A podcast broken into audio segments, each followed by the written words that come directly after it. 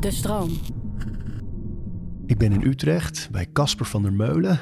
Die vliegt de wereld over eh, om eh, breathwork, masterclasses te geven. Weet alles van ademhaling. Maar is in ieder geval voor mij ook wel een, een mooie gids eh, in het landschap. Probeert van alles uit, weet daar goed over te vertellen. En eh, ja, ik wil hem eigenlijk al heel lang in de serie hebben. Vandaag is de dag. Ja, ik eh, tape elke dag, eh, elke nacht mijn mond dicht. Wat is een mens zonder houvast in zijn manier van leven? En ieder heeft een handvat en eigen rituelen. Orde in je hoofd zodat alles te overzien is. We praten over routines. Ik doe eh, al die rare dingen niet uit principe om raar te zijn. Ik doe het omdat het werkt. We praten over routines. Casper, we hebben een, een kop met, als ik ruik, cacao. Mhm. Wat zit er nog meer in? Hier zit cacao in en ehm hennepzaad, kokosolie, dadel. ehm, er zit eh, kaneel in en eh, vanille, geloof ik. Vanille is waren die druppels. voor vandaag. Oh, nee, oh nee, dat is sinaasappelelie, Ah, essential olie. Ja. en waarom die samensmelting van dingen? Nou, dat is ten eerste heel lekker. Ja. Soms is het zo eenvoudig. Nou, maar wat ik, eh, dat is grappig, want we kennen eh, cacao kennen we uit chocola. Oh, inderdaad zeg. En de cacao die in chocola zit, die is eh, verwerkt tot een punt dat het... eh, chocola is gewoon snoep eigenlijk. Terwijl cacao eh, van oudsher, ook zeker in de tradities, wordt het echt gezien als een medicijn. En het is gewoon een, een veel rijkere, interessantere plant in zijn geheel. En, voed- en ook voedingsmiddel. En ook staatwisselaar dan eh, vaak credit aangegeven wordt. En eh, dus ik meng het ook heel vaak met eh, bijvoorbeeld andere supplementen die ook je staat beïnvloeden, zoals ashwagandha of medicinale paddenstoelen, dit soort dingen. En cacao is gewoon een, heel, ja, een hele fijne manier om, om de dag te starten. Veel fijner dan koffie. Ik was altijd heel erg een koffiejunk. Ehm cacao heeft ook wel wat cafeïne, maar het heeft ook een aantal andere stofjes die, ja, die veel prettiger zijn voor je systeem. Wat doen ze? Nou, je hebt bijvoorbeeld ehm, anandamine, is een hele belangrijke stof in cacao. Die geeft het gevoel van eh, eh, gelukzaligheid. Eh, ananda is ook bliss in het hindoeïsme, Sanskriet. Geloof ik Sanskriet, als ik het goed zeg. Ehm, zit ook in rode wijn en in, in, in marihuana bijvoorbeeld. Maar ja, anandamine is een... helpt je met een gelukzalig gevoel. En dan zit er een stof in die theobromine. Dat is eh, van de, van de cafeïne-familie. En ze geeft wel een, zeg maar een energizing effect. Dus het, ja, het geeft je een soort alertheid en wakkerheid. Maar op een veel zachtere, warmere, open manier. Niet, eh, eh, niet een soort van het heftige, alles moet nu klaar. En tunnelvisie van, eh, van bijvoorbeeld koffie of zelfs thee. Ja, ik ben zelf ook dol op koffie hoor. Maar het is inderdaad ook wel iets dat gekoppeld is aan de westerse cultuur van jagen, stress, Ja. wakker worden. Hè, Ja. een, een- echt een hulpmiddel eigenlijk. Het is een hulpmiddel en heel veel mensen hebben helemaal niet door dat koffie gewoon drugs is. Maar onze definities van drugs zijn een beetje verwaterd, hè? een beetje vreemd geworden. Want alles wat we, wat we gewend zijn en wat, we, eh, wat, wat past bij de mindstate van, de, van het normale leven, dat keuren we goed. Dus eigenlijk dingen waar je productiever van wordt of dingen waar je dommer van wordt. zeg maar, als je kijkt naar hoe de, hoe de wereld gebouwd is, eh, vijf dagen per week met de cafeïne zo productief mogelijk, alle mensen productief in de fabriek en het hele weekend je net, eh, net genoeg zuipen dat je weer zin hebt om meer productief te worden, zeg maar. En ehm, Michael Pollan heeft een heel mooi boek geschreven, wat perfect eh, getimed was na mijn hele reis met het onderzoeken van, ja, wat, wat is mijn relatie met dit middel, koffie, cafeïne. Hoezo eh, gebruik ik al eh, sinds mijn vijftiende of zo dagelijks cafeïne en heb ik nooit nagedacht over wat dat precies is. En hij zegt daarin heel mooi... eh, Hoe heet het boek? heet cafeïne. Dat is de korte versie. Hij heeft ook eentje dat heet This is Your Life on Plants. En Ja, die is fantastisch. Die dat is ken ik. echt geweldig. En, en hij Het heeft beste voedingsadvies ooit. Drie maaltijden per dag. Vooral groenten, niet te veel vlees en vis. Kleine porties. Staat het daarin? Volgens mij komt het daaruit. Oh ja? ja, ja, ja. Oké, ja, ben ik het niet mee eens. maar goed, Nee, daarover straks meer. ja. Eh, tenminste voor mij werkt dat niet. Maar hij heeft een hele mooie quote erin waarin hij zegt... ehm, caffeine is helping us keep up with the world that caffeine made us create. Ja. Eh, ik ben heel erg gefascineerd door de manier waarop we eh, productiviteit aanbidden. En dat het eigenlijk het grootste goed is geworden. En dat alles wat maar productiviteit ondersteunt, dat wordt, eh, is allemaal oké. En eh het wordt heel erg goedgekeurd. En mensen zijn heel erg verslaafd aan hun productiviteit.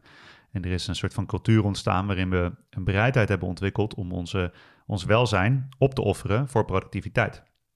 Als je kijkt naar bijvoorbeeld uh, 9 van de 10 burn-outs, dat, ja, dat is eigenlijk dat. Gewoon een hele, hele periode lang niet voelen wat er te voelen is. Ehm, niet echt in contact staan met je lichaam, je reserves opgebruiken en op den duur dan, ja, dan is het op. En ja, ik heb zelf gemerkt dat, uh, dat de, de dag beginnen met koffie als routine, dat dat eigenlijk bijdraagt aan allerlei dingen die ik niet wil in mijn leven. Zoals bijvoorbeeld angstigheid of uh, gebrekkige slaap. Ehm, de hele dag zo'n gevoel hebben van er moet nog wat. En uh, zeker als vader merk ik, als man, die wil... Uh, je bent net weer vader geworden. Ja, ik ben net weer vader geworden. En ik merk het nu ook weer. Met zo'n babytje. Ik krijg er ontzettend veel inspiratie van. En dan, en dan wil ik de wereld ingaan en, en mijn koninkrijk bouwen. En, uh, want dat is de vader die ik wil zijn. Maar ja, ik wil ook een vader zijn die er is, weet je wel, die aanwezig is. En uh, bijvoorbeeld met koffie merkte ik van als ik dan ochtends koffie had... en dan kom ik in die modus, en ook als ik een dag vrij heb... waarin ik helemaal niet gebaat ben bij die constante drive om productief te zijn ja, dan zat ik daar toch in. Want je hebt toch dat, dat genomen. En ja, als je, als je helemaal geen middelen neemt, of als je niet, en het niet een deel van je leven is om je staat van zijn te moduleren, te veranderen met externe middelen, behalve wel met koffie bijvoorbeeld, dan heb je niet door dat het, ja, veel mensen hebben niet door dat het, het is gewoon een, een druk. Het is een, een psychoactief middel waarmee je staat van zijn beïnvloedt. En hoe meer ik me daarvoor open ging stellen en de manier waarop mensen in de geschiedenis ook van oudsher uh, allerlei hele natuurlijke manieren hadden om hun staat van zijn te beïnvloeden met, uh, met externe middelen. En dat het eigenlijk, ja, alles wat je tot, tot je neemt, doet iets met je. Toen ben ik ook heel kritisch gaan kijken naar, uh, naar ja, mijn relatie met, met cafeïne. Om die reden pak ik juist eentje per dag koffie. Um, en maak ik er echt een ritueel van. Ja. Het maken en het, uh, het echt genieten, het echt proeven. En liefst zo vroeg mogelijk op de dag, liever niet na twaalf. Ja. En, want ik, ik, hou er wel echt van. Maar ik, tegelijk, dat vind ik het leuke, denk ik. Sowieso gaat dat veel gebeuren in dit gesprek, vermoed ik. Dingen die je hoort bij jou, dat denk ik, oh ja, ja, maar dat is ook waardevol. En dan, maar waarom, uh, is dit het eerste wat jij drinkt op de dag? Niet altijd, uh, maar nee, ik drink altijd eerst water vrij veel water drink ik altijd, ongeveer een liter. En ik heb dan een hele speciale filter eh, onder mijn kraan zitten en zo. gefilterd water. Alles, elk, elk deel van mijn dag heeft weer een stukje optimalisatie gehad. Want ik wil in principe eigenlijk altijd op mijn eigen energie kunnen draaien. En ik heb dan nu de laatste tijd heb, uh, heb ik de cacao wat vaker, omdat ik gewoon heel nachten heel, heel slecht slaap nu, heel weinig slaap. En, dus het is een hulpmiddel en daar ben ik me ervan bewust. Het is ook veel minder verslavend dan, uh, dan koffie, koffie in koffie. Dat, dat vind ik ook heel fijn. En het is ook voedend. Maar in principe is het eerste wat ik, uh, wat ik top me neem, is water. Um, en bij voorkeur licht. Dus als het kan, ja, op een mooie dag als vandaag of in de zomer, naar buiten en daglicht zo snel mogelijk in mijn ogen krijgen. En anders heb ik, uh, die ligt daar zo onder de bank, heb ik uh, een enorme infrarood kanon. Um, die doet infrarood en rood licht. En die, ja, die, die zendt eigenlijk alle frequenties uit die ook in een zonsopgang te vinden zijn of een zonsondergang. Dus dat is ja, een, een, soort van zonlicht simulator zonder de UV. En dat, ja, daar, daar start eigenlijk mijn ochtendritueel. En hoe lang doe je dat? Nou, dat ligt eraan hoe druk de baby is en of ik ik, ik, zat in een heerlijke routine uh, vlak voordat de baby kwam. Het laatste uh, half jaar of jaar zelfs. Dat ik gewoon echt, uh, voordat het gezin wakker is, dat vind ik altijd heerlijk. Ja. En dan heb ik een uurtje, een half uur of een uur voor mezelf. En dan is het um, ja, een half uur of een uur. En dan zit ik voor die lamp en dan doe ik eigenlijk mijn hele ochtendritueel doe ik voor die lamp. Alsof ik zeg maar heerlijk een zonsopgang aan het, top me neem, van aan het genieten ben. En dan doe ik daar mijn, mijn ademoefeningen, mijn meditatie, mijn intentie zetten um, met meer soort van filosofische set reminders die ik mezelf geef elke ochtend. Die gaan we straks allemaal langs. Ja, kunnen we zeker doen. Ja. En, uh, ja, en daar zit ik dan naakt voor. Want je wil eigenlijk zoveel mogelijk van je huid blootstellen aan, uh, aan het licht. Naakt, naakt. Geen boxer, geen... Nee, ja, dat is nu, we hebben nu een hele mooie glazen serre. ja. Dus ik check altijd even of de buren oh, wakker zijn. Ja, nou, hier, die zijn dicht. Maar aan de achterkant, ja, nou, de buren hebben altijd hun gordijnen dicht. Um, er zijn een aantal studies die laten zien dat, uh, dat direct infrarood licht van verschillende frequenties op de testikels uh, helpt met de aanmaak van testosteron. Echt? Ja. Ja, dus dat, eh, ik denk de hele dus tijd aan Friends. Die hadden zo'n achterbuurman. Dat was Ugly Naked Guy. Die keken ze altijd vanaf het balkon zo uit het raam. En liep altijd in zijn blauwtje. ja, zo Maar dit is dan de handsome naked guy Ah, natuurlijk. nou, dankjewel. Voor de Dat infraroodlamp. Maakt, weer- maakt weer iets minder creepy. Maar ehm, ja, dus dat is eigenlijk... eh, Hoe ik- ik- werkt dat dan, joh? Weet je dat? Nou, dat heeft met een paar verschillende dingen te maken. Is dat ehm, een heel groot deel van eh, onze gezondheid wordt bepaald door onze doorbloeding. En bijvoorbeeld ehm infraroodlicht helpt bij, dat is een van de dingen die het doet, helpt van het verbeteren van de doorbloeding. En kijk, een van de redenen dat we veel moeten bewegen, eh, wandelen, eh, eh, met lage intensiteit gewoon bewegen, veel actief zijn, is omdat ons hele lichaam is afhankelijk van beweging. Een van de redenen, er zijn heel veel redenen voor, maar één daarvan is dat ehm, onze circulatie, we denken dat dat gedaan wordt door het hart. Het hart is een pomp en die, die pompt je bloed door je hele lichaam heen. Maar ehm, het schijnt dat je hart maar van, voor iets van 40 tot 60 procent voor je doorbloeding verantwoordelijk is. En het grootste deel van je doorbloeding wordt dus gedaan door je microcirculatie in de extremiteiten. Oftewel, hè, deze kleine haarvaatjes in je handen, je voeten, je huid, die, die eigenlijk zelf aan het pompen zijn. En die doen het onder invloed, onder andere onder invloed van een stofje dat heet stikstofoxide. NO, stikstofoxide. En die ontspant eh, de vaten. En die wordt aangemaakt als je bijvoorbeeld aan het wandelen bent. Of als je een stukje aan het rennen bent. Het heerlijke bruisende gevoel als je een uur gewandeld hebt. Dat is ja, eigenlijk letterlijk bijna bruisen van ja, de, de zuurstof die daadwerkelijk in je weefsels kan komen. Omdat je vaten open zijn gegaan, onder andere onder invloed van het stofje. Dat is een heel theorieverhaal, maar het komt erop neer dat dus infrarood licht eh, ervoor kan zorgen dat die haarvaatjes meer van die eh, stikstofoxide aanmaken. Waardoor je dus ook zonder inspanning ehm, meer doorbloeding kunt krijgen op plekken waar het ja, wat minder makkelijk stroomt eh, zonder te bewegen. Places where the sun don't shine. Places where the sun don't shine, bijvoorbeeld. Ja, absoluut. En ja, dat is gewoon, eh, dat, dat soort dingen vind ik heel leuk. Vind ik Ja, fantastisch. En dan zit je ervoor en dan doe je, en zeg je, je werkt je ochtendroutine af. Ja, Wat is het eerste?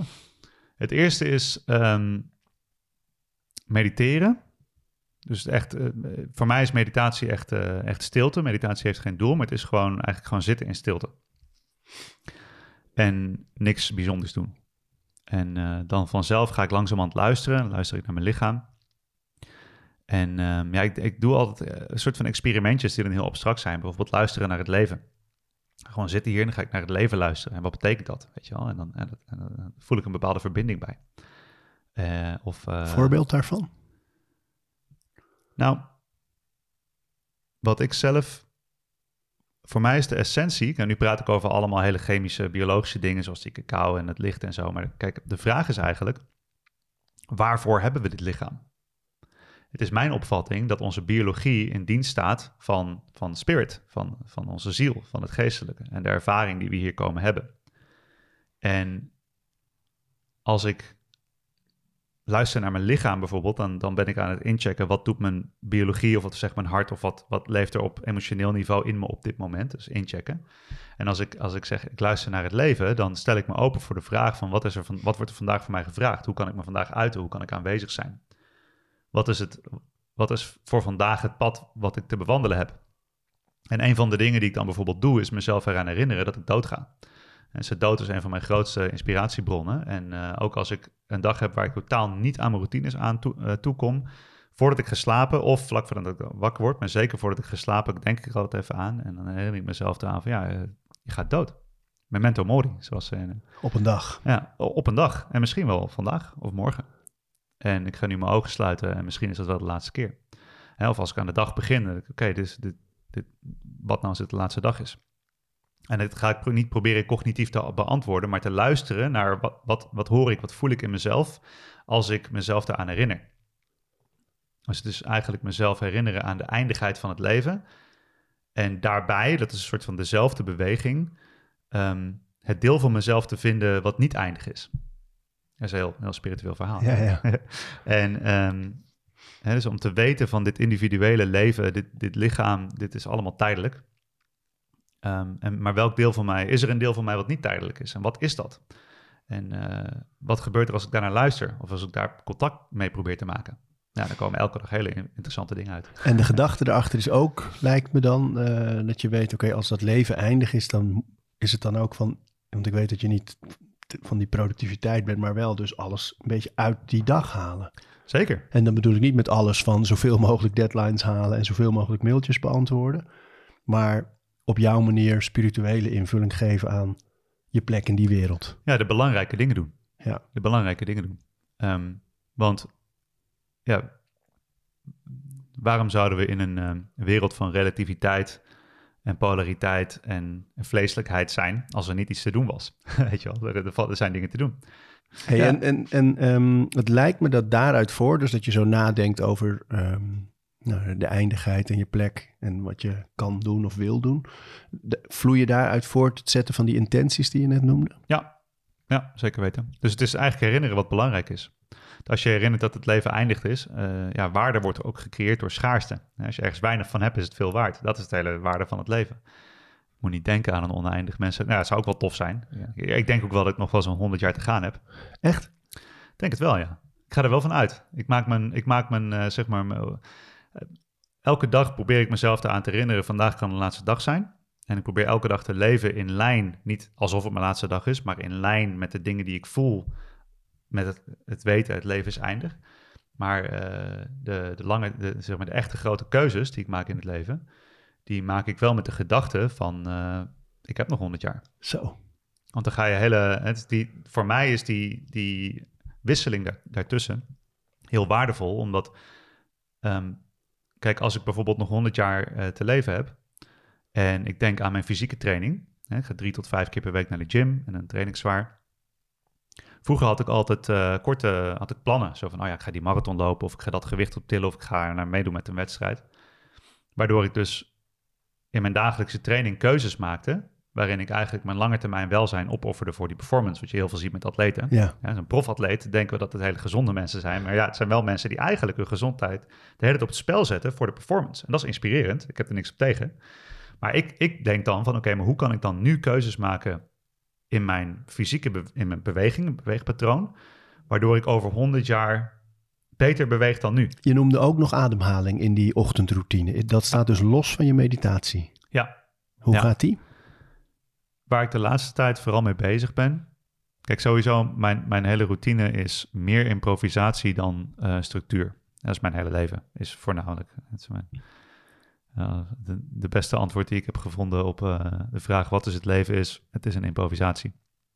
En ik ben op een punt gekomen in mijn eigen ademoefeningen dat het, dat het niet meer zinnig is om technieken te volgen. Want alle technieken stromen uit dezelfde bron.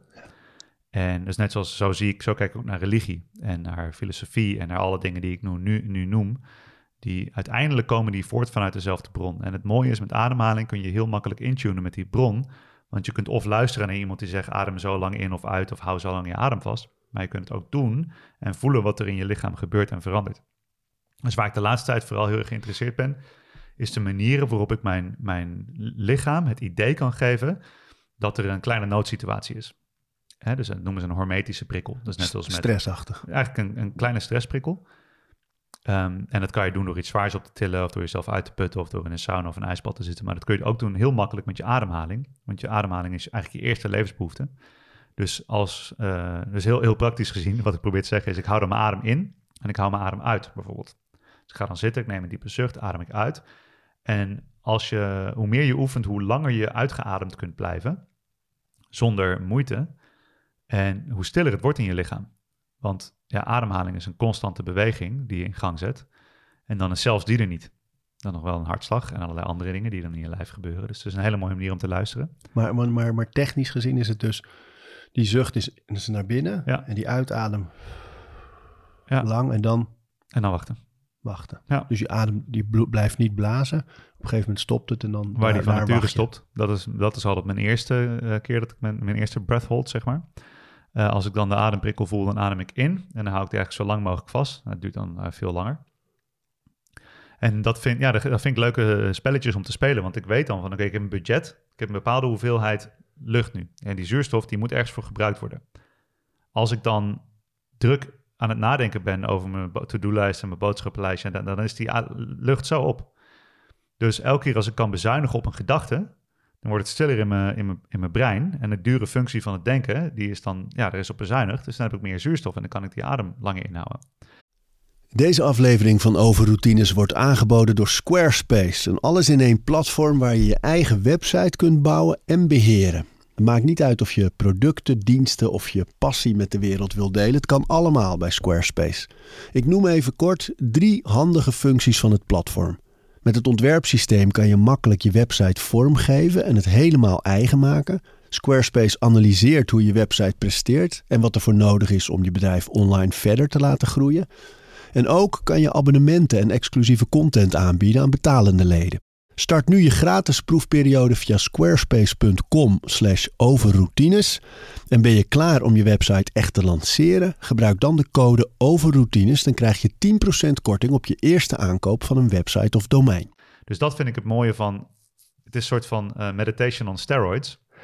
Want in plaats van dat ik heel erg ga proberen om mezelf rustig te mindfulnessen, creëer ik eigenlijk een biologische uh, noodzaak om te bezuinigen op nutteloze dingen zoals die gedachten over, weet ik veel, wat iemand zegt op Instagram of wat ik nog moet uh, aan is ook weer een meditatie dus toch? Ja, ja zeker. Ja. Het, is, het, is, uh, het is ook een meditatie. Ja. En de stress zit hem dan in uh, het feit dat je, als je je adem inhoudt, dat je op een gegeven moment zuurstof nodig hebt. Ja. Dus en daar komt een beetje het stressgevoel van. Ja, het stressgevoel, zeker. Maar het is ook gewoon. Uh, uh, kijk, stress wordt vaak beschreven als een gevoel. En dat wat je dan al zegt, mensen zeggen: ik heb stress. Dan omschrijf je eigenlijk: ik heb een onprettige reactie op een, op een stressor, op iets wat me prikkelt. Um, en ik vind het een mooie beoefening om, om meteen in de dag uh, eigenlijk de sterkste stressor die er is, namelijk ademnood, op te zoeken en dan daarmee te werken. En dan, oké, wie, wie ben ik als ik gestrest raak? Of hoe ga ik met mezelf om als ik iets moeilijk vind? Dat soort dingen komen dan boven. En um, het is ook een hele mooie manier om zeker te weten dat je lichaam tot rust komt. Want als je je adem inhoudt, dan creëer je in feite een budget voor je lichaam. Je zegt eigenlijk tegen je lijf van kijk, dit is wat je krijgt, deal with it. Nou, dan kan je twee dingen doen. Je kan gaan werken om meer te krijgen. Maar, maar die, uh, die behoefte, die onderdruk je, hè, tot op zekere hoogte. Daar moet je ook niet over, overdrijven natuurlijk. En oké, dus wat is de andere optie? Bezuinigen. Wat betekent dat? Oké, dan moet je hartslag omlaag. Dan moet je minder gedachten gaan hebben. Hè, dus dan moet je...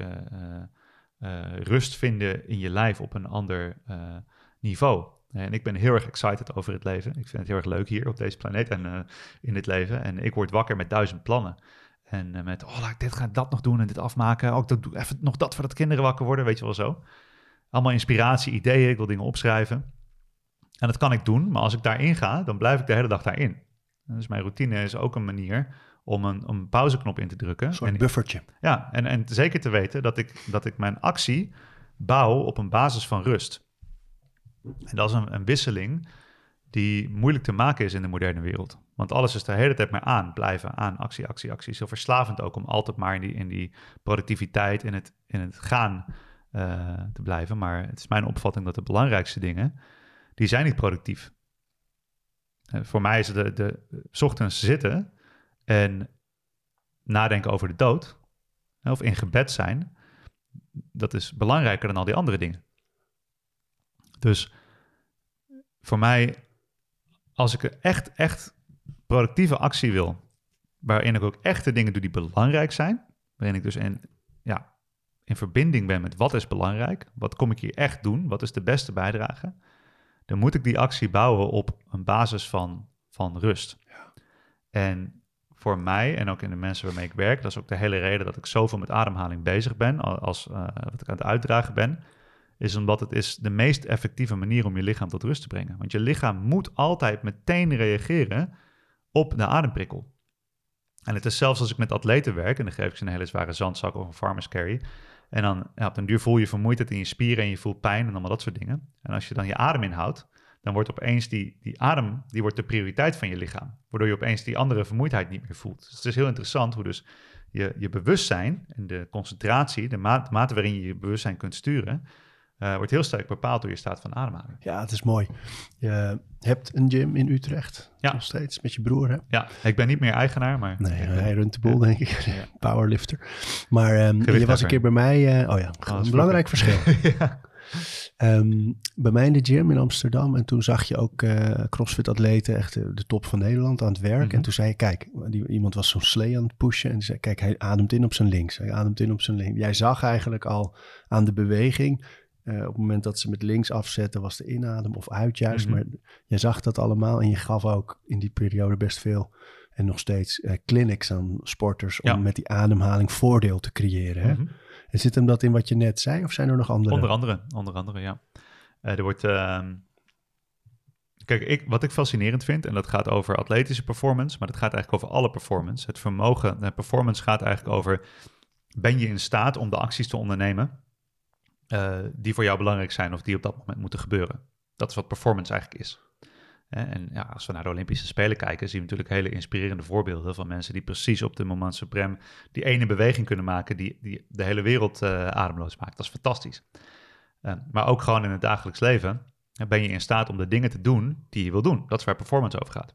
Nou, als we nou gaan kijken naar de systemen die je tot je beschikking hebt, die uiteindelijk die performance creëren, um, dan is uiteindelijk ademhaling het meest basale systeem. Het is de, de, de meest basale beweging, de oorspronkelijke beweging. Dus het is eigenlijk kijken van nou, wat is nou de meest optimale manier van ademhalen, bijvoorbeeld voor een atleet. En dan is het een kwestie van de intensiteit opvoeren tot het punt dat het lichaam het vermogen verliest om die optimale ademhaling te behouden. En dan gaan we sleutelen en spelen en dingen proberen om dus een hoger niveau van intensiteit uh, te kunnen beleven, hè, te kunnen, aan te kunnen, met een steeds rustigere ademhaling. En dat geldt ook voor uh, mensen die niet bezig zijn met atletische performance. Dus hoe kun je dus met uh, dus eigenlijk zoveel mogelijk intensiteit in je leven tolereren, zoveel mogelijk spannende, leuke, exciting dingen doen, uh, terwijl je toch je lichaam rustig houdt en de juiste hoeveelheid energie hebt voor alles en aan het einde van de dag nog kan slapen en je eten verteren en, en niet met stress in bed liggen. En uh, dat zit allemaal uh, eigenlijk verwoven in ademhaling. Mooi man. Ja. ja. je ziet nu tegenwoordig ook heel veel mensen experimenteren met uh, conditiewerk op neusademhaling. Ja. Hè? Dat mensen die gaan hardlopen, 5, 10 kilometer of zelfs een hele marathon op neusademhaling. roeien, wat dan ook. Ja. Ik weet dat jij nogal mooie experimenten hebt gedaan met neusademhaling aanleren weer. Of, ja. Uh, kun je daarover vertellen? Nou, daar zijn we bij mijn avondroutine. Ja, ah, ja. Oh, we slaan de hele dag over. Ja, we pakken straks nog een paar dingen van de en dag. avonds heb ik niet zo heel veel routines hoor. Maar, uh, um, ja, ik uh, tape elke dag, elke nacht mijn mond dicht. Oh, nog steeds? Ja. Ah, ik dacht, ik dacht ja. toen we elkaar jaren geleden ontmoetten... dat dat een soort manier was om ja, aan, te wennen. Voor de meeste mensen wel. Ja, maar ik ben dus... En dit is het, ja weet je wel, dat is het grappige, want... make no illusions, alle dingen waar ik over spreek en waar ik over les geef, dat zijn dingen waar ik zelf verschrikkelijk slecht in ben van nature. Daarom blijf ik er maar over onderzoeken. Weet je wat, overal ter wereld kom ik, uh, weet je, stuk in Amerika met een stelletje topatleten en een van de Hollandse boer en die zegt, hey, je moet door je neus ademen tijdens de sport en dan leer ik ze dat. En dan kunnen ze dat altijd beter dan ik. Iedereen overal. Zo irritant. maar daardoor ben ik constant eh, de hele tijd eh, onderzoeken laten doen in het ziekenhuis. En een camera in mijn neus. En eh, met allemaal apparaten op mijn lichaam geslapen. Ja, daardoor verzamel ik eigenlijk al die informatie die ik dan weer in dienst kan stellen voor anderen. Omdat het voor mij de hele tijd maar niet net zo goed werkt. Um, dus ik ben zeker geen master of breath in de zin van dat ik perfecte ademhaling heb. Het tegenovergestelde. Je bent wel een master of breath, maar niet in dat opzicht. Uh, ik ben meer een teacher en een student of breath. En, um, ja, je bent bescheiden ook. Ja. Maar je vliegt de wereld over om mensen erover te onderwijzen. Je Instagram staat er vol mee. Ja, maar niet... Kijk, dus zag je zo... zelfs met echte longen. Uh, ja, ja, inderdaad. Ja. Als een karkas van een... Ja, schapenlongen doen schapenlongen, we. Ja, bij mijn opleiding. Kijken hoe het allemaal werkt. Ja, ja. Maar Ga door. Ja, dus het is, ik, ik doe dan een beetje tape op mijn mond en dat houdt mijn lip op elkaar. En bij heel veel mensen is dat eigenlijk meer een soort van neurologische reminder. Hè? Dus dat het, het spiersysteem wordt getriggerd om te zeggen: Oh, dat is waar die lippen moeten zitten. Hou je mond dicht. Dan adem je de hele dag door je neus, de hele nacht. Um, en dan heb je optimale ademhaling. Dus in het kort, uh, je neus is een filter. Dus die filtert allerlei dingen die in de lucht zitten die je niet in je longen wil, filtert die eruit. En je moet je zo voorstellen dat als, het, als iets voorbij die filter komt, dan moet je uh, immuunsysteem dat op een dieper niveau oplossen. Dus je kunt het of buiten houden, of het komt binnen en, en dan, moet, moet het immuunsysteem aangaan. Dus je kunt het beter buiten houden. dus als je ziek eh, bent of je bent grieperig of zo en je begint te snotteren, dat is een poging om nog meer te spoelen, buiten houden. Kuchen is ook een manier van buiten houden. Dus als je een wondje hebt, ja, dan, uh, is dan iets open, iets komt binnen en dan vervolgens komt er een ontstekentje. Omdat, nou goed, in ieder geval, je wilt zo, zo, minder, zo min mogelijk pathogenen of, uh, of toxines in je, in je hebben. Als je neus filtert dat. En het is een ontzettend goede filter. Het is namelijk ook een specifieke filter. In de neus kan zelfs een pathogeen, dus een virus of een bacterie, herkend worden. In een soort van kapsel geplaatst worden en naar buiten gevoerd. Het zegt, nou, ik kan er uren over de neus praten. Maar Mooi hè? Allemaal haartjes in, slijm in. Dus het is een filter. Eigenlijk de belangrijkste uh, filter van je immuunsysteem. Want je kunt door, hè, dus als je biologisch denkt, we kunnen kiezen in welke immunologische risicogebieden we ons brengen. Gewoon bijvoorbeeld door binnen te blijven en niet naar buiten te gaan. Of door niet bij zieke mensen in de buurt te zijn. Je kunt kiezen wat je in je mond stopt. En je kunt kiezen of dat gezond of ongezond is. Maar je kunt niet kiezen wat je inademt. Je moet inademen. Als je mond kan dicht en je neus niet. Je neus is altijd open. En je bent dus altijd miljarden deeltjes aan het uitwisselen met je, eh, met je omgeving. Dat vind ik fascinerend. Dus die, dat moet een ontzettend goede filter zijn. Ehm, vervolgens is het een airconditioner. Dus geeft je lucht de juiste temperatuur, dat het in de longen gebruikt kan worden. Het is een uh, um, bevochtiger. Dus zorgt ervoor dat je de juiste vochtigheidsgraad hebt. En hij reguleert ook je uh, lichaamtemperatuur. En daar merken we nu niet zo heel veel van in een modern leven, maar hè, dus mensen die dichter bij de evenaar wonen hebben bredere neuzen met grotere neusgaten en die kunnen daardoor makkelijk warmte afgeven. En uh, mensen die in koudere gebieden leven, die hebben langere neuzen, uh, waardoor de lucht een langere weg aflegt, waardoor je meer van je warmte bewaart. Dus zit allemaal... Ja, ik zit te smullen, jongen. ja, dat is fantastisch. En wat er nog bij komt, is dat uh, als je door je neus ademt, dan wordt er in de holtes wordt een stofje uh, vrijgemaakt, stikstofoxide, waar ik het eerder over heb gehad. En die uh, ontspant dus het weefsel in je luchtwegen en in je longen. En het leuke is ook nog dat die is antibacterieel en antiviraal. Dus je maakt letterlijk uh, een stofje aan in je holtes als je door je neus ademt. Dat als je toevallig ook een virus of een bacterie inademt en die maakt contact met die stikstofoxide, dan maakt die stikstofoxide die maakt dat deeltje onschadelijk. Hij is heel erg reactief. En uh, Louis Arigno, dat is de Nobelprijswinnaar, die heeft zijn Nobelprijs gekregen voor het ontdekken en aantonen van stikstofoxide in het lichaam. Die is ook aan het publiceren nu over hoe neusademhaling dus een hele essentiële rol speelt in het bestrijden van bijvoorbeeld het coronavirus. Want als je door je neus ademt, dan heb je dus al die voordelen van de immuunfunctie. Um, maar goed, uh, gaan we het Fantastisch. Even, gaan we even niet induiken nu. maar um, dus elke ademhaling die je door je neus doet, is eigenlijk optimaler dan die je door je mond doet. Als je door je mond ademt s'nachts, heb je dus acht uur lang um, ongefilterd. ongefilterde lucht die is droog, dus je verliest heel veel vocht. Dus als je wakker wordt met een suffe kop en je moet heel veel water drinken voordat je een beetje wakker wordt en je bent brak en een droge mond, nou, dat zou het zomaar zo kunnen zijn dat je door je mond hebt geademd. En voor de meeste, ik heb het gevoel dat dat voor de meeste mensen geldt. Voor heel veel mensen is het zo. Of ja. als je bijvoorbeeld altijd gele tanden hebt of heel veel tandproblemen. Uh, ja, als, als je neus het niet filtert, komt het langs je tanden. Dus het is ook je gebitgezondheid en, en je tandvlees. Ja, de, gaat erop achteruit als je door je mond ademt. En zelfs de hele structuur, de botstructuur van je, en de orthodontisten die, die krijgen het ook in de opleiding, en ta uh, tandartsen en zo.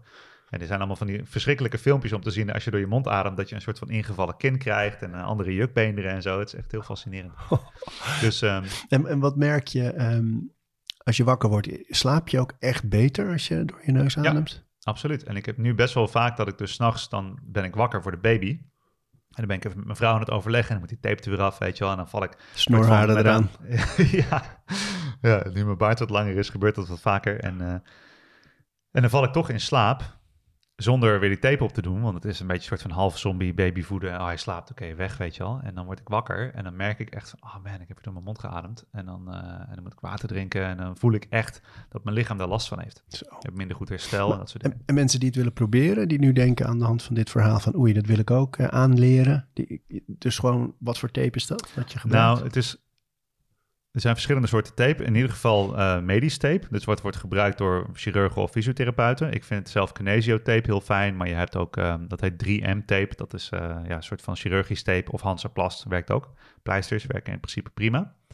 En in het begin zijn mensen wel eens bezorgd of ze, of ze dan Genoeg. wel kunnen ademen. Ja. Zeg maar. Dus wat je kunt doen is... Uh, zeg maar twee kleine stripjes tape langs je lippen plaatsen, zodat je er nog langs kan ademen en zelfs praten. En dat het gewoon puur een reminder is om je lippen dicht te houden. Maar je kan ook echt uh, ja, tape gewoon als een, ja, helemaal over je lippen, helemaal over de sluiting, dat het echt uh, dicht blijft. Het is een beetje een kwestie van ook wennen, want in het begin heb je wel eens dat je wakker wordt en dan heb je het eraf gehaald. Of, of als je je zorgen maakt dat het te dicht zit, kun je het ook opdoen terwijl je wakker bent en proberen je mond open te doen. En als het makkelijk lukt, ja, dan lukt dat s'nachts ook.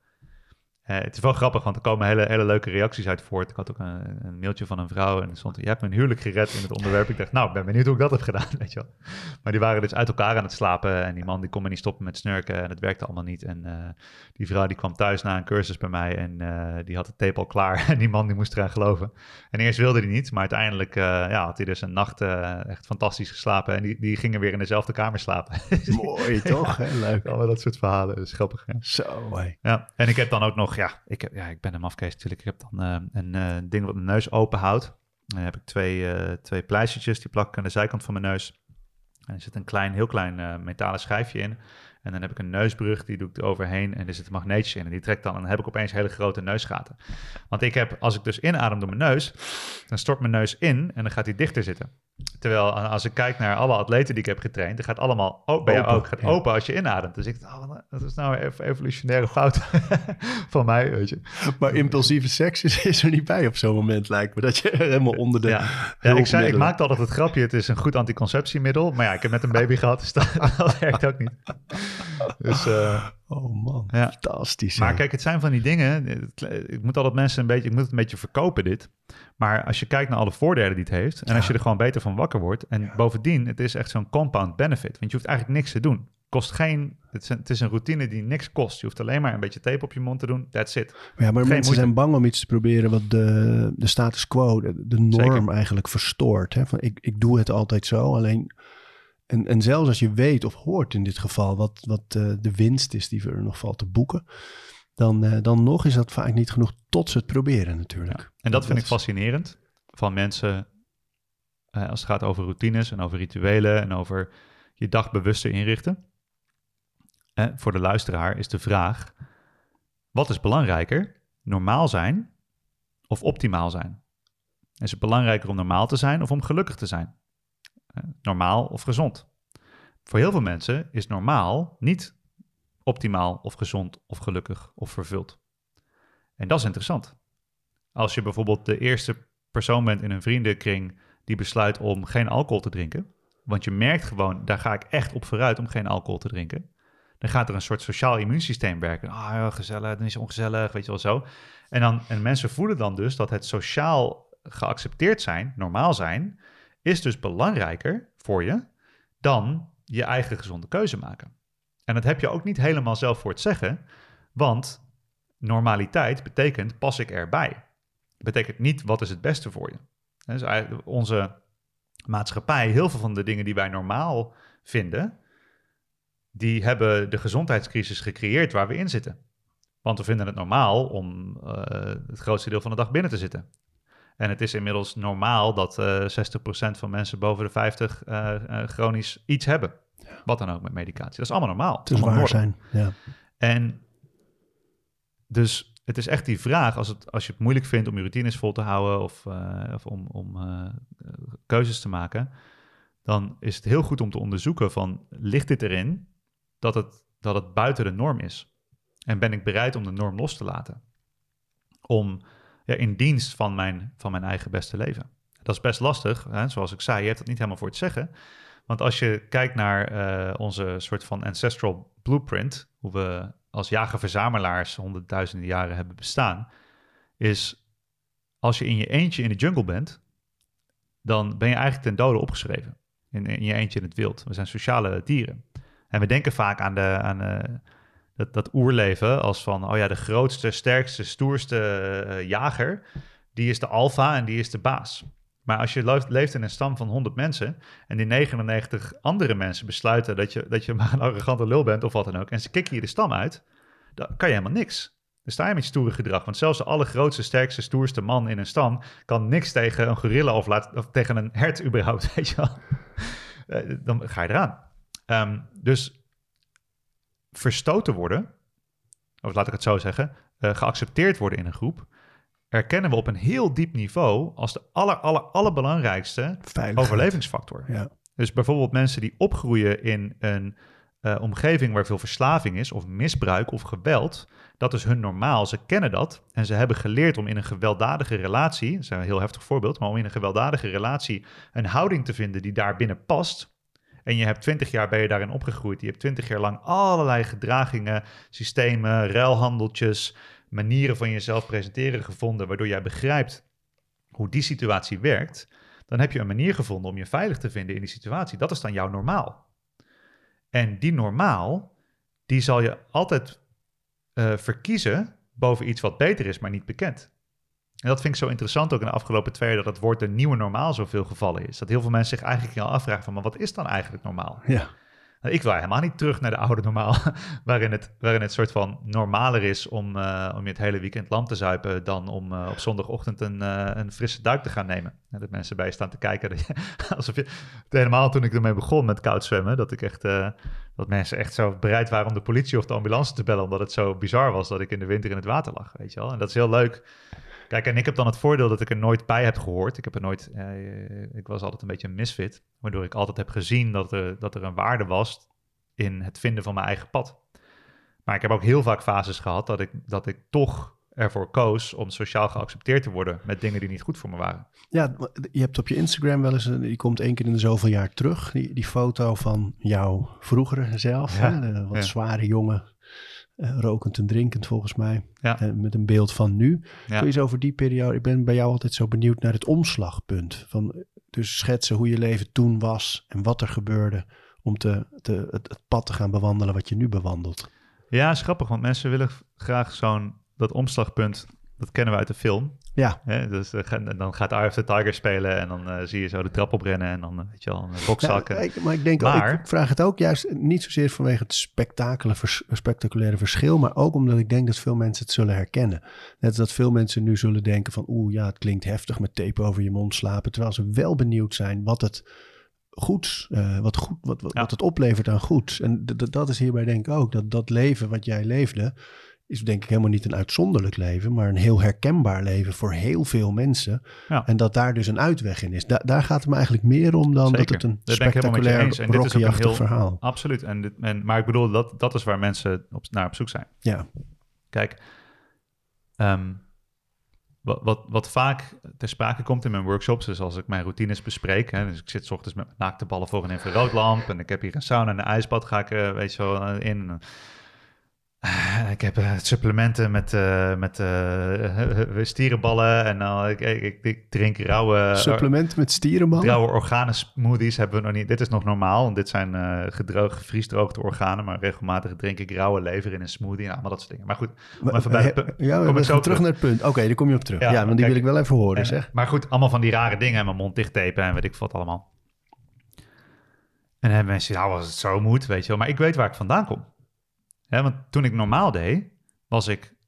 Eh, niemand vond dat ik iets extreems deed toen ik 25 was en ik was 35 kilo zwaarder. Ik was aan het roken. Uh, in het weekend tenminste twee keer even goed uh, van de kaart zijn. Dat had ik echt even nodig. Weet je wel, videogames spelen, series kijken. Niemand zei van Casper, yo, doe even normaal man. Want het was gewoon normaal wat ik deed. Dat is wat alle mensen in mijn omgeving deden. Ik was gewoon een jonge student die genoot van het leven. Ik was hartstikke depressief. maar dat, hè, dat was blijkbaar ook normaal hey, alles goed? Ja, alles goed. Ja, man, alles goed. Ja, met jou? Ja, alles goed. Oké, klaar. Ja, gewoon. Ja, gewoon. Zo, hè, dat is allemaal normaal. Dat is hoe we de hele tijd met elkaar omgaan. Dat we niet die diepere laag zien. En ik weet hoe dat is. En dan, kijk, ik doe eh, al die rare dingen niet uit principe om raar te zijn. Ik doe het omdat het werkt. Het is stap voor stap selecteren wat voor mij werkt en bereid zijn om iets achter me te laten wat niet meer voor me werkt. En dus het leven wat ik toen leidde, en het was al veel eerder, want ik, uh, Kijk, dat, ik, ik praat daar niet zo heel vaak over, omdat het voor mij echt een, in zekere zin een ander leven is. En ik heb nooit het gevoel gehad dat ik een slecht leven had. Maar ik was, toen ik vier was, voor het eerst in therapie, weet je wel. En toen had ik weer een, ik had een neurotische dwangstoornis. En toen had ik pleinvrees. En toen had ik een paniekstoornis. En toen had ik een uh, concentratiestoornis. Heb ik nog... Ik heb nog voor een angststoornis medicatie gehad toen ik aan het uh, examen aan het doen was, weet je wel. Toen, dat was mijn eerste 14 jaar. en toen was ik verslaafd en toen was ik te dik, weet je wel. En zo. Maar ik heb zelf het vanuit mijn perspectief heb ik altijd interessante uitdagingen gehad, die ik vervolgens met de steun van mijn familie en mijn moeder uiteindelijk allemaal heb kunnen overkomen. Dus ik zie niet zo van, oh, van een zware jeugd als ik het allemaal achter elkaar zet. Maar waar het op neerkomt, is dat zeg maar, het leven wat ik leidde, was uh, simpelweg niet uitgelijnd met wat voor mij het beste is. En dat is uiteindelijk waar ook routines over gaan en waar leefstijlkeuzes over gaan. Is de, is de vraag van wat zijn mijn kernwaarden, wat wil ik doen in het leven, wat vind ik belangrijk. En welke dingen stellen mij in staat om meer van de dingen te doen die ik belangrijk vind? Dat is uiteindelijk de enige vraag. En dus als je het over een kantelpunt wil hebben, of een kantelfase eigenlijk, was dat ik dus, ik stond voor de klas. Ik had echt wel een passie gevonden daar, een stuk missie, een stuk purpose, hoe je het maar wil noemen. Want maakt niet uit hoe slecht ik me voelde of wat er ook in mij omging. Ik, vind, ik ging de deur van mijn lokaal dicht. Ik had uh, 25 uh, pubers met sprankelende ogen. Die zaten naar me te kijken. Nou, waar komt hij nu weer mee? En dan begon ik met kletsen. En een uur later voelde ik me fantastisch. Omdat ik ergens op een soort van zielstuk voelde van dit is waar het om gaat. Ik maakte verbinding. Uh, we hadden het over interessante onderwerpen. Ik zag die kinderen ontwikkelen. en ja, ik had dan ook vaak de kans om, om er voor ze te zijn in moeilijke periodes.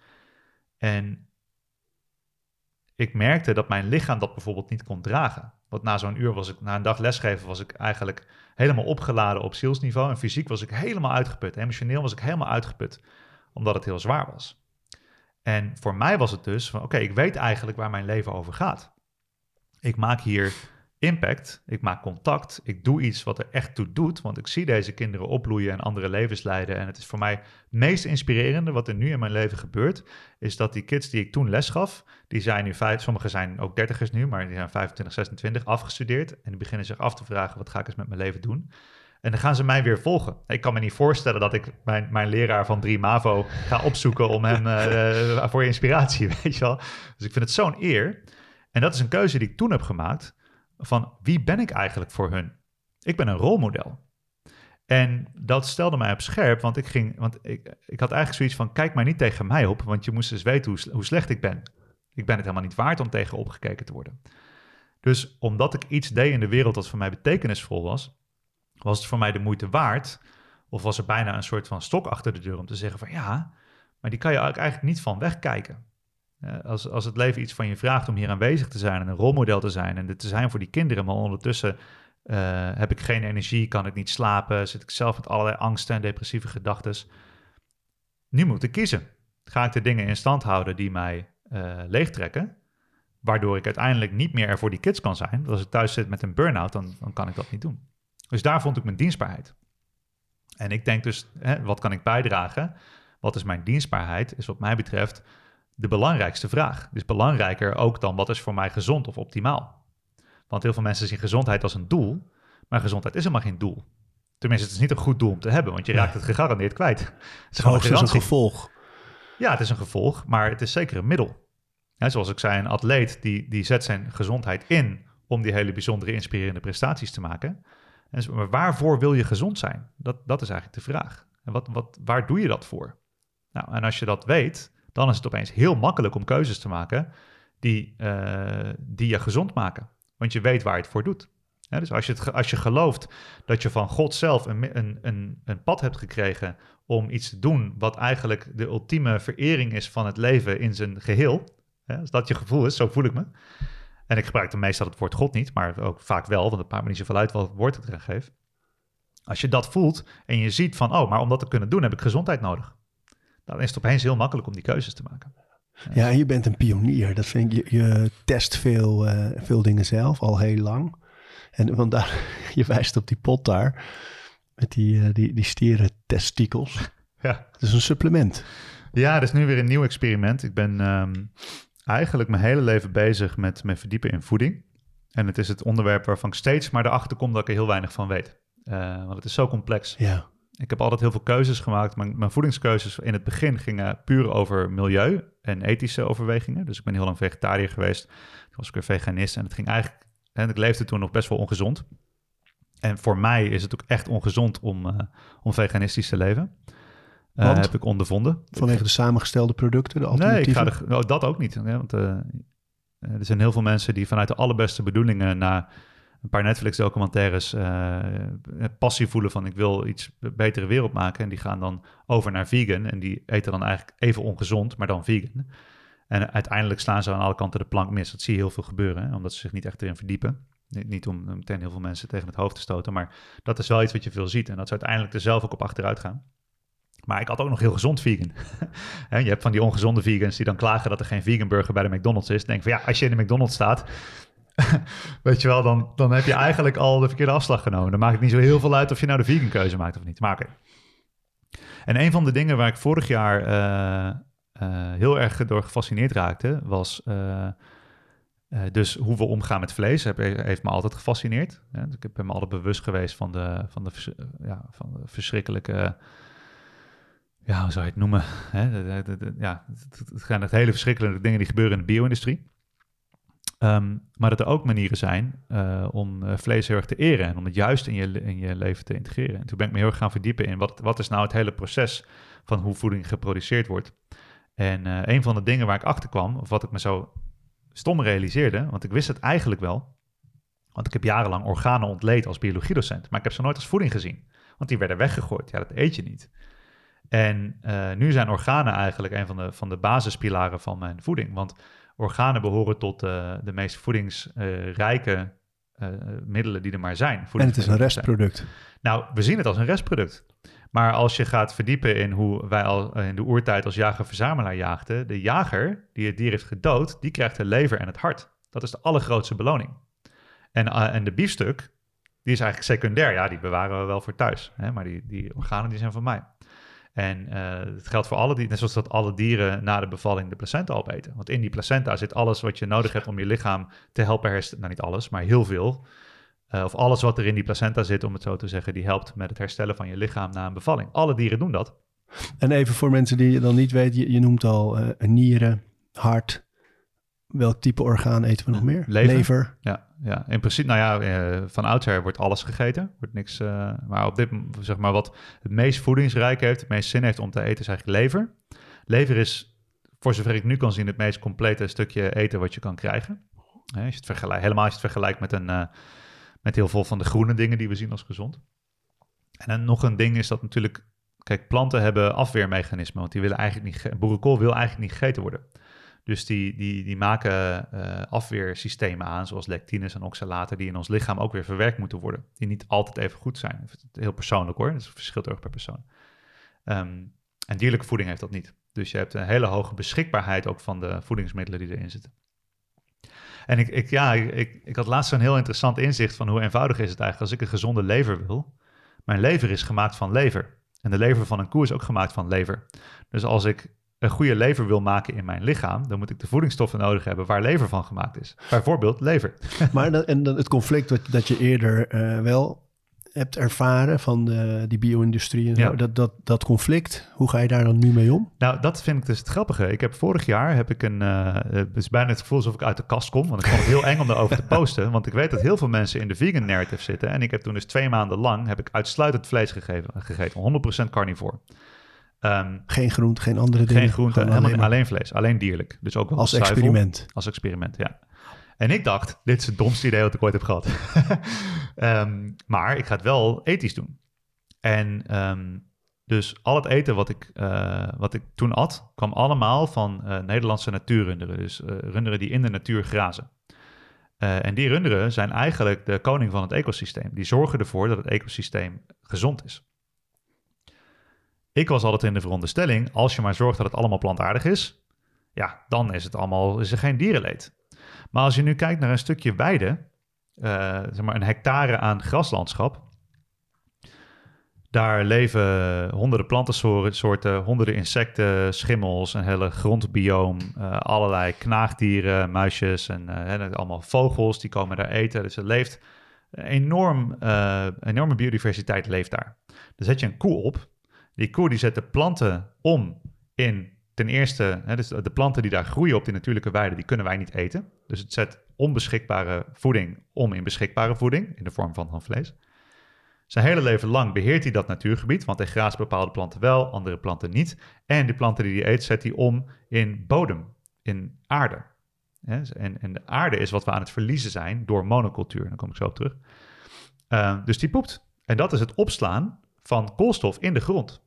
En we kunnen koolstof, planten halen koolstof uit de lucht. Koe eet die koolstof en die poept het uit. En dat is de meest effectieve opzetting, omzetting van koolstof uh, in, uh, in, terug in de aarde. En die aarde wordt daar vruchtbaarder van. Dus dat is gewoon natuur. Aan het einde van de rit heeft die koe één slechte dag. Hè, dus het meest natuurlijke, dat is een droomleven voor een koe. Dus ik zeg al dat ik eet alleen dieren die een beter leven hebben gehad dan ik. Want zij hoeven niet in een onnatuurlijke setting e-mails te beantwoorden. Dat is gek, die zijn gewoon een koe hun hele leven. Geen medicatie, uh, kalveren blijven bij de moeder, nou, dit soort dingen. Uiteindelijk is dat gewoon een natuurgebied van een hectare. En eet ik één koe. En dan kan je een half jaar van leven van één koe. Of we zeggen nee, we gaan geen dieren doodmaken. Dat is dierenleed. We gaan uh, vegan eten maken. Dus ik neem een enorme trekker. Ik ga naar dat natuurgebied. Ik maai de hele bende uh, overhoop. Vervolgens plant ik daar een graan. Wat voor graan dan? Of iets. Dat is monocultuur. Dus er mag alleen nog maar één plantje zijn. Maar ja, al die muisjes die het overleefd hebben, die de slachting overleefd hebben. dus alle dieren, alle wormen, alle bo bodemdieren, die zien wij nooit. Maar die zijn er ook. Oh man, ja, interessant. Kijk, een koe is een stuk schattiger dan een worm. Maar wat is er belangrijker? Het leven van een koe of het leven van een worm? Ik eet liever een koe die zijn hele leven heeft gezorgd voor miljoenen wormen in de grond, dan dat ik al die wormen aan stukken hak, zodat ik mijn veganistisch uh, eten daar kan planten, snap je? Uh, nou, en uiteindelijk heb je dus uh, een rijen met gewassen. Die putten die bodem uit en die bodem wordt niet gevoed meer door die koe, dus daar moet, die moet gevoed worden. Dus je moet dat gaan bemesten, wordt vaak met, chemische middelen gedaan, met onnatuurlijke middelen.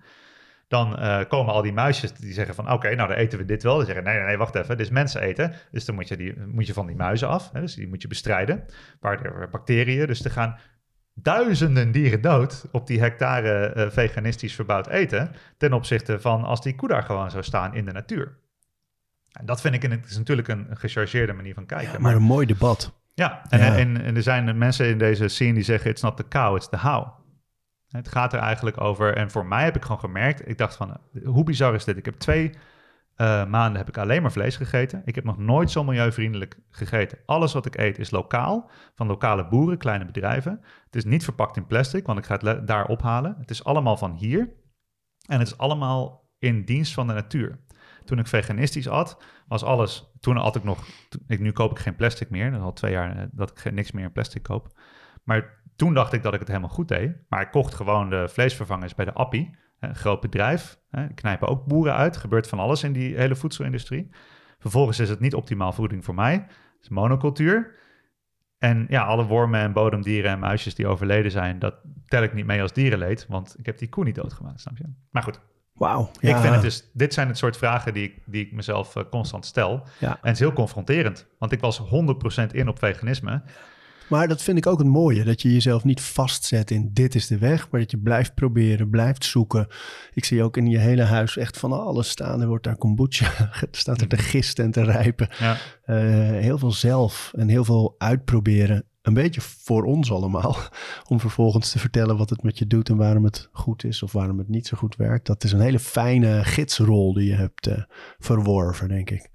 Ja, het is ook, ik doe het wel voor mezelf hoor, voornamelijk. Ja. Maar kijk, mijn brein werkt het beste als ik aan het praten ben, als ik aan het uitleggen ben eigenlijk. Ja. Dus uitleggen is voor mij de ultieme manier van leren. Ja. Uh, dus uh, ja, ik voel me zeer gezegend dat ik het kan doen. Dat er ook nog mensen meeluisteren, dat is helemaal mooi. Ja man, smullen, smullen.